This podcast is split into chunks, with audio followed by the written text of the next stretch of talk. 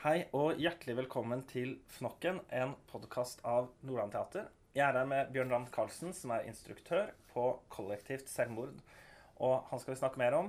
Men først så må jeg bare minne dere om å følge oss på iTunes eller andre kanaler for å høre podkast.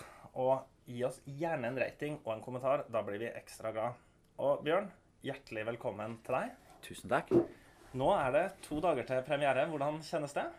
Eh, det kjennes veldig sånn som det pleier å gjøre, for å si det sånn. Det er um, nervepirrende for så vidt, men jeg er litt sånn som ikke får så veldig mye nerver før, rett før. Men da kommer det voldsomt. Eh, så normalt sett så kommer det ti minutter etter generalprøven, for da er på en måte jobben min forhåpentligvis ferdig.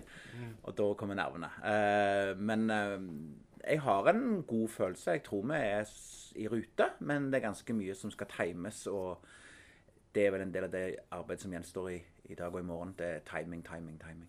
Men det her er jo ikke akkurat uh, din første forestilling. Det er ikke sånn at du debuterer på Nordland Teater. Hvem er du, og hva har du gjort? Ja, nei, altså jeg eh, Jeg er jo 52 år og har drevet med dette her siden jeg var 25. Så jeg har jo holdt på med det lenge og gjort vet ikke helt nøyaktig hvor mange forestillinger, men 40 pluss. Eh, mye barne- og ungdomsteater. Jobber til vanlig ved Rogaland Teater på, eh, som leder for barne- og ungdomsteateret der. Og gjort derfor veldig mye av det, men òg mye voksent. Og de siste årene har jeg vært eh, litt ute og reist. Jeg har vært, litt i, vært i Bergen en tur og i Tromsø en tur og jobbet litt mer med de voksne på Rogaland Teater òg. Så jeg kombinerer det veldig og gjør egentlig veldig, veldig mye forskjellig. Ehm, så jeg har vel egentlig er vel en instruktør som ikke kan sies å ha spesialisert meg veldig i en retning. Nei. Hva er forskjellen på å jobbe med barn eller ungdom og profesjonelle skuespillere? Eh, på mange måter mye mindre enn folk tror, eh, vil jeg si. Men, men eh, hovedforskjellen er nok at de selvfølgelig ikke har det verktøyet i bånn som voksne har. Sånn at for at unger og ungdom skal være Eller amatører, egentlig. Jeg vil ikke si unger, Det har ikke noe om det er voksne eller, eller barn. Men amatører generelt trenger mer instruksjon. Kanskje først og fremst mer fysisk liv på scenen fordi de ikke klarer å fylle rollen sjøl. Verken fysisk eller, eh, eller egentlig verbalt. Så det handler egentlig veldig i stor grad om å gi dem mer instruksjon. Mm. Men så har du jo ungdommens fantastiske nysgjerrigheter som gjør at de er veldig, veldig åpne. Eh, det er det ikke alltid du har hos skuespillere. Det har jeg hatt her, og det er veldig kjekt. Men av og til så møter du jo voksne skuespillere som er litt mer reserverte. Eh, men her har jeg hatt en fantastisk gjeng med meg. Men det må jo være også spesielt å se de her unge talentene. Så plutselig så kanskje ser man noen som har noe litt spesielt. Eh, helt klart. Eh, og det er, en, det er en sånn rar diskusjon, fordi folk spør ofte liksom Har du oppdaget noen talenter, eller Og ja, det har jeg. Og vi har eh, mange, eh, veldig mange som kommer ut fra den institusjonen jeg har jobba på. Altså Barne- og ungdomsteater på Rogaland Teater. Både skuespillere og hele egentlig Stavanger-filmbølgen kom jo ut av den gjengen. Eh, men jeg i motsetning til hva kanskje idretten gjør, i hvert fall en del av idretten gjør, så definerer ikke jeg talenter så tidlig. Jeg syns ikke, jeg syns ikke du kan si om en 10- eller 12-åring er talentfull. Du kan ofte si at en 10- og 12-åring har en utrolig sjarm på scenen. Men talentet viser seg egentlig først i det øyeblikket, mener jeg, da, der du ser at de forstår verdien av å jobbe med det de holder på med. Så eh, kanskje nesten i større grad enn i idrett, så er et teatertalent et treningstalent, Ja. vil jeg si. ja, men det er jo litt sånn spennende. Vi skal jo bygge eget prøvelokale for ungdom, og har jo opplevd en enorm vekst også innen barne- og ungdomsteater i Mo i Rana. Så derfor er det jo spennende for oss også å høre med dere som har drevet med det lenge og er best på det. Ja, og det må jeg jo si da, at en av de tingene som gjør at vi er best, eh, handler faktisk om akkurat det dere gjør nå, nemlig å tilrettelegge eh, for ungdommen sånn lokalmessig. Altså, du kan si hva du vil, men skal du bli en god fotballspiller eller en god håndballspiller, så trenger du faktisk et lokal å øve i og være i. Eh, og det er jo det ungdommene og barna har fått Teater nå i 50 år, snart 60. Eh, det at dere får en egen scene, egne rom de kan være i, men i tillegg være sammen med voksne som tar de på alvor. Det tror jeg egentlig det handler om. Da kommer talentene til dere, og så er det deres jobb å utvikle dem. Så er det jo litt sånn spennende i forhold til hvilke sånn verdisyn man har i forhold til barn også. Altså det å ta barn, ungdom på alvor, enten det dreier, dreier seg om klimastreikende unger eller de som har lyst til å holde på med en fritidsaktivitet for å ha et meningsfullt liv, er jo også kanskje en del av vårt samfunnsansvar som mottar noen offentlige kroner for å få lov til å leke oss på og utafor scenen.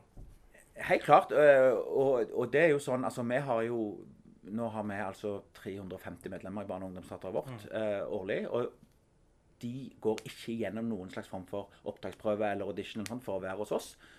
Og det er òg fordi at vi driver ikke bare og prøver å utvikle skuespillere, vi utvikler òg mennesker. Eh, og det er blitt viktigere og viktigere. Det får vi tilbakemelding fra skolen òg, fordi at i skolen så er det jo mer og mer type fremføringer og lære seg å stå foran folk og snakke og sånne type ting. Som de òg lærer oss oss, og som gjør de til forhåpentligvis tryggere eh, ungdom. Som tør å stå for det de mener, eh, og tør å si det de mener.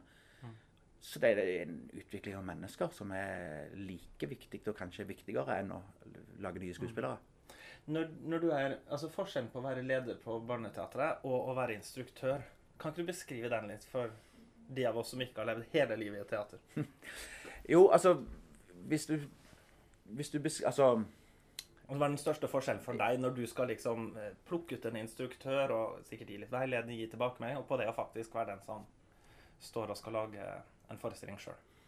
Jeg tror eh, det veldig godt spørsmål. Jeg tror den største forskjellen er at eh, når jeg sjøl plukker ut instruktører til å jobbe hos oss, så er det veldig variabelt hvor mye erfaring de har med barn og ungdom.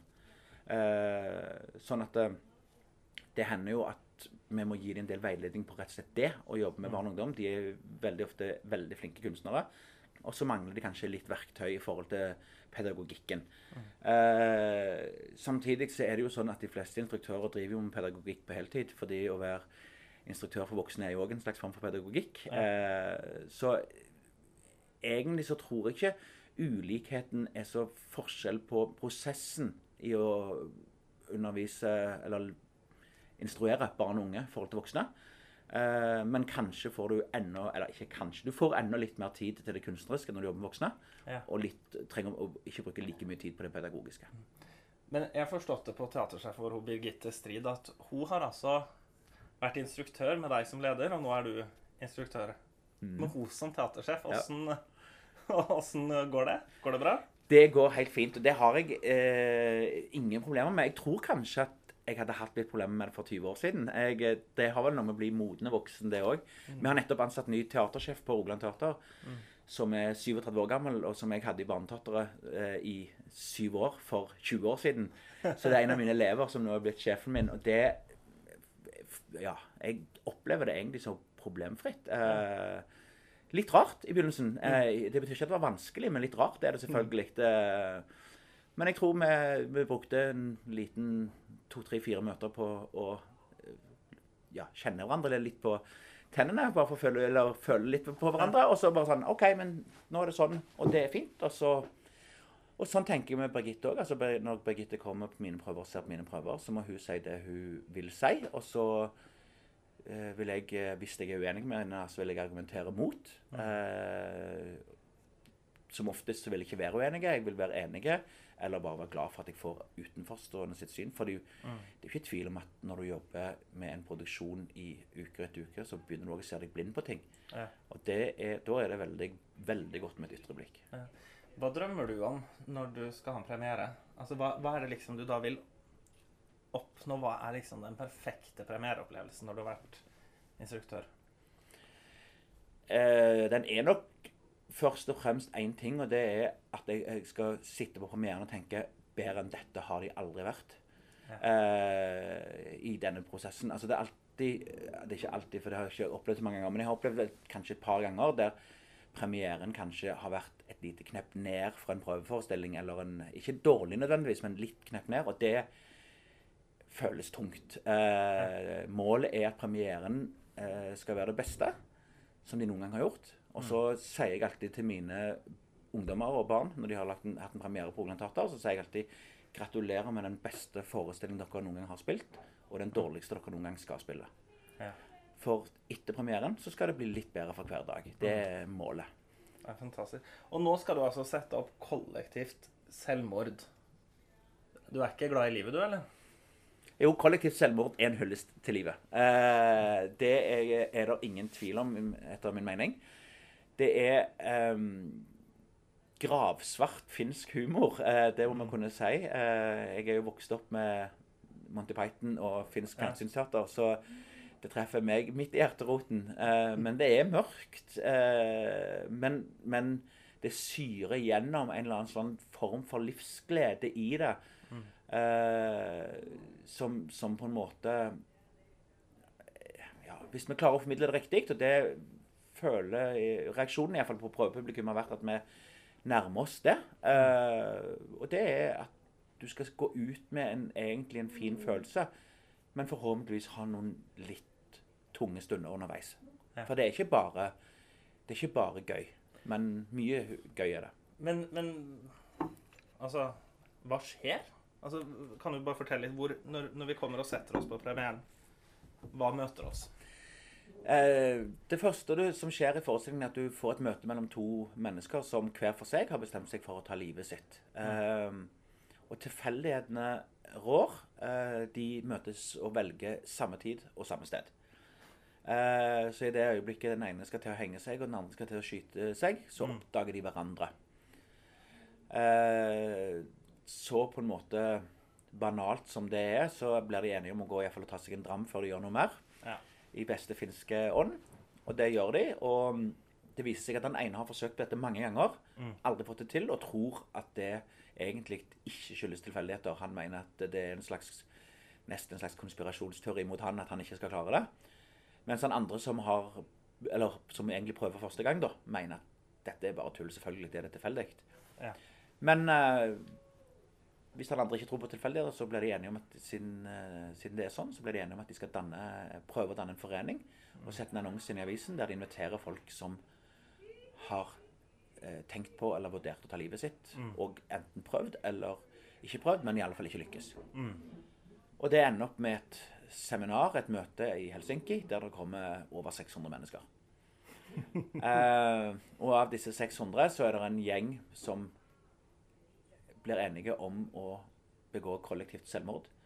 Og de ender på en busstur rundt i Europa for å finne rette stedet å gjøre det. Ja, det, det høres jo ut som Altså, Passelien av forfatteren, må jo ha hatt en eller annen sær fantasi for å komme på den historien. Eh, ja, det må han.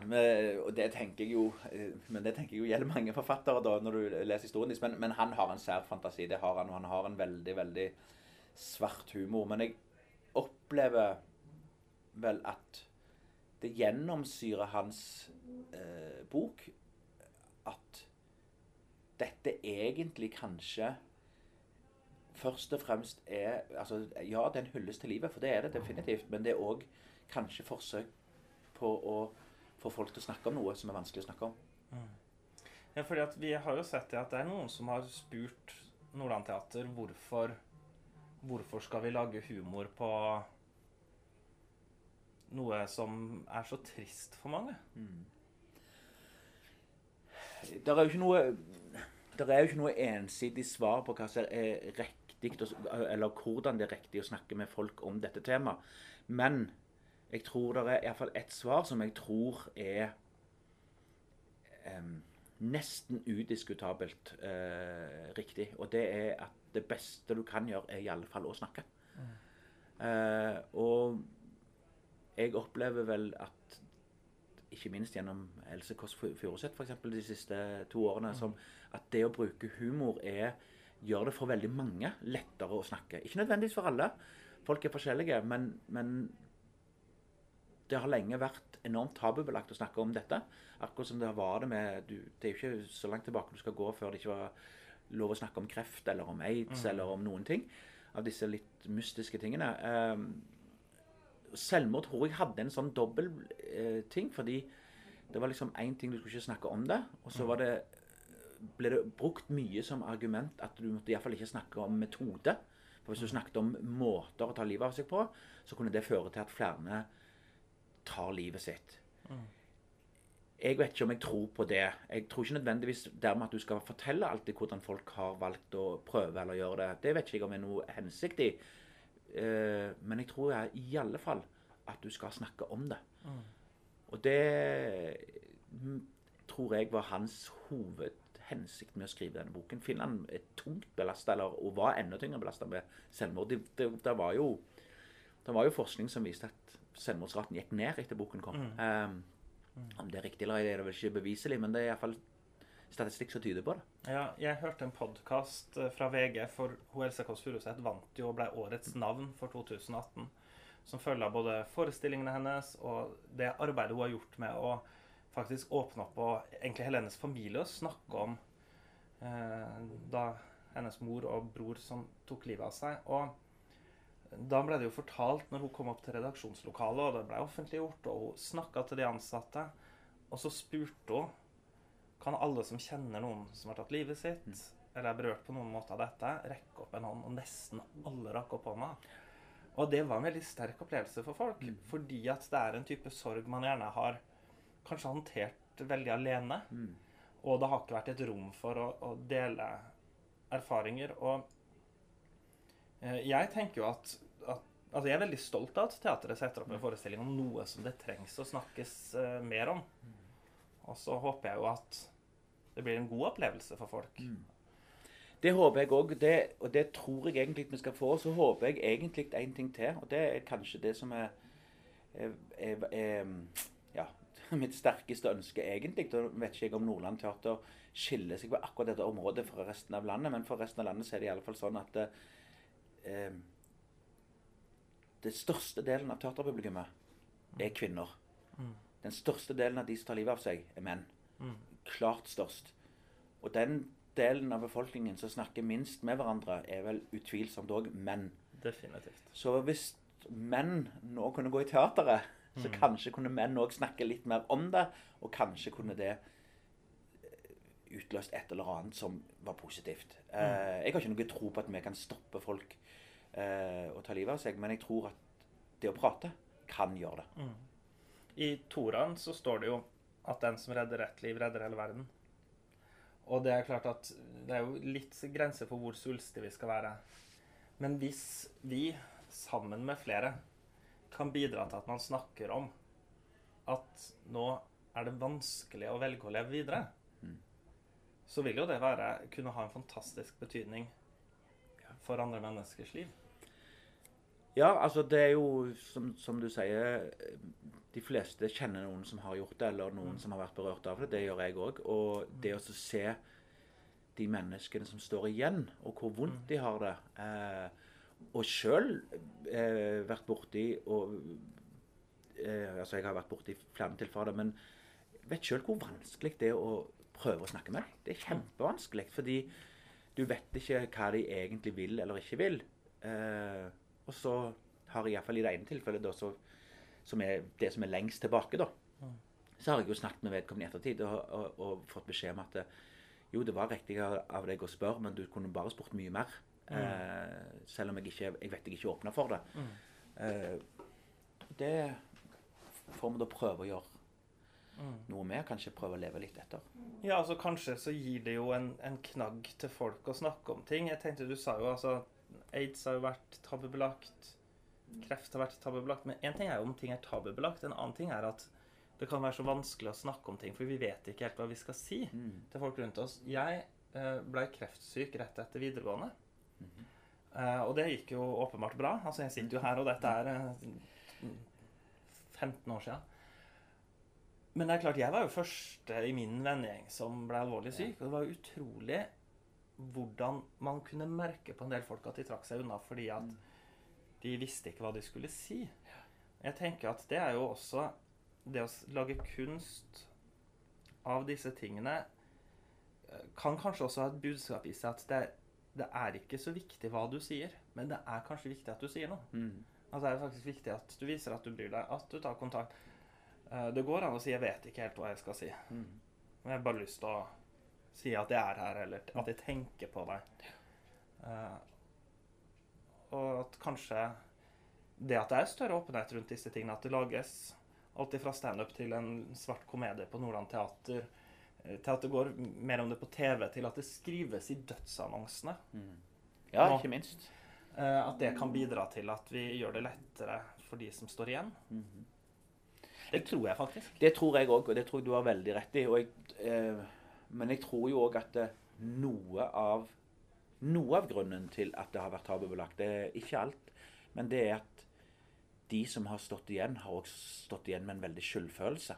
For du står igjen og tenker Var det min feil? Nei, selvfølgelig var det ikke din feil. Det er ingen sin feil. Eh, men det kan du si, og det er ikke alltid like lett å forstå. Eh, men det er klart at det, hvis, hvis en velger å ta sitt liv, så er det faktisk ikke de rundt sin feil. Sånn er det ikke. Eh, og det håper jeg jo virkelig at folk, og det tror jeg folk mye større grad forstår. På lik linje som at før fikk foreldrene skyld i at barna var narkomane. Ja. Nei, det var ikke din feil at din sønn ble narkoman, eller din datter ble narkoman. Det er, det er mange og innfløkte årsaker som skyldes det. Eh, så det tror jeg òg er en viktig del. Altså, jeg, som du sier, snakk. Men eh, det er ikke farlig å være tom for ord. Nei. Nei, det tenker jeg. Og så er det jo Jeg elsker jo teatret fordi at det av og til kan gi oss eh, ord og innfallsvinkler som er nye på ting som er aktuelle, som dette. Eh, og det tenker jeg det er jo Jeg tenker også at mange ungdommer burde jo se det her. Burde reise med skolen sin og se, så har de en på en måte anledning til å både snakke om det her som et problem, men også snakke litt overordna. Okay, hvordan forholder vi oss til når det blir vanskelige ting? Hvordan lærer vi å snakke om det? Altså, det er jo en form for sosial kompetanse som kan være veldig spennende. Og så tror jeg at det gjør godt av å le, da. Av alvorlige ting. Ja. Å ha litt uh, galgenhumor, bokstavelig talt, er jo dette passende begrep, Ja. må jo være helsefremmende for alle. Ja, helt utvilsomt. Det, det, eh, det er jeg sikker på. Eh, Og så Nok en gang, det er jo ikke noe svar. Noen har og, og i verste fall så kan noe som jeg syns er morsomt Det er ikke sikkert du syns er morsomt engang, men, men, jeg, men jeg tror at det å sitte i et rom der du har lov å le av ting, selv om du ikke sjøl syns det er morsomt, men bare hører kanskje at andre ler av det, kan faktisk være befriende. Fordi det er allikevel en ufarliggjøring av noe. Og det er kanskje det aller, aller viktigste en kan gjøre med alt her i livet. Det er å prøve å ufarliggjøre det og prøve å snakke om det. For uten å snakke om det, så finnes det ingen løsning. Det er jeg sikker på. Og når vi skal komme og se, hvor mange skuespillere ser vi på scenen?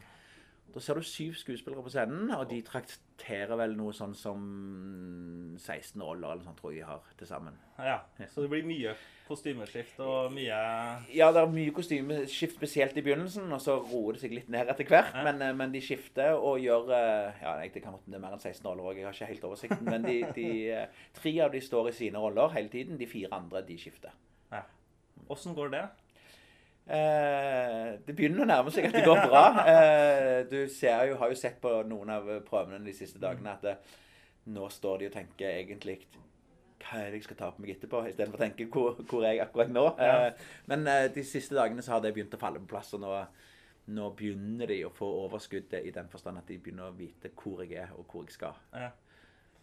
Nei, jeg tror det, det er i hvert fall en glede å se når dere har lunsj da, i prøven, og så kommer han opp, og så er de forskjellig kledd, flere av de, fra dag til dag. Og det er jo en fantastisk ting for en stakkars økonom som kunne endt opp som revisor og heller få lov til å jobbe på et teater og oppleve det. Ja, det er veldig gøy. Og så er vi jo, må jo si det at vi er jo eh, Vi har lagt handlingen til 80-tallet. Så kostymer og frisyrer og mm. parykker er jo veldig inspirert eh, av 80-tallet. Og, og, og musikken. Ja, du, det har vi hørt når vi har gått forbi. Ja da, For musikalsk så er vi innom eh, alt ifra Johnny Cash og eh, Bob Dylan og ja, innom ja, vi er til og med innom eh, ACDC, så det svinger der inne. Ja, nei, men du, jeg gleder meg i hvert fall veldig. Håper det blir en like artig forestilling som boka, for det er den boka jeg tror jeg humra mest av i mitt liv. Og det tror jeg, og så håper jeg at det blir viktig for noen. Takk, det må jeg si at det håper jeg òg virkelig. Mm. Tvi-tvi, og tusen takk for at du tok deg tid. Og tusen takk til dere som har lytta på Fnokken. Dere hører oss plutselig igjen. Takk til Bjørn Dahl Karlsen.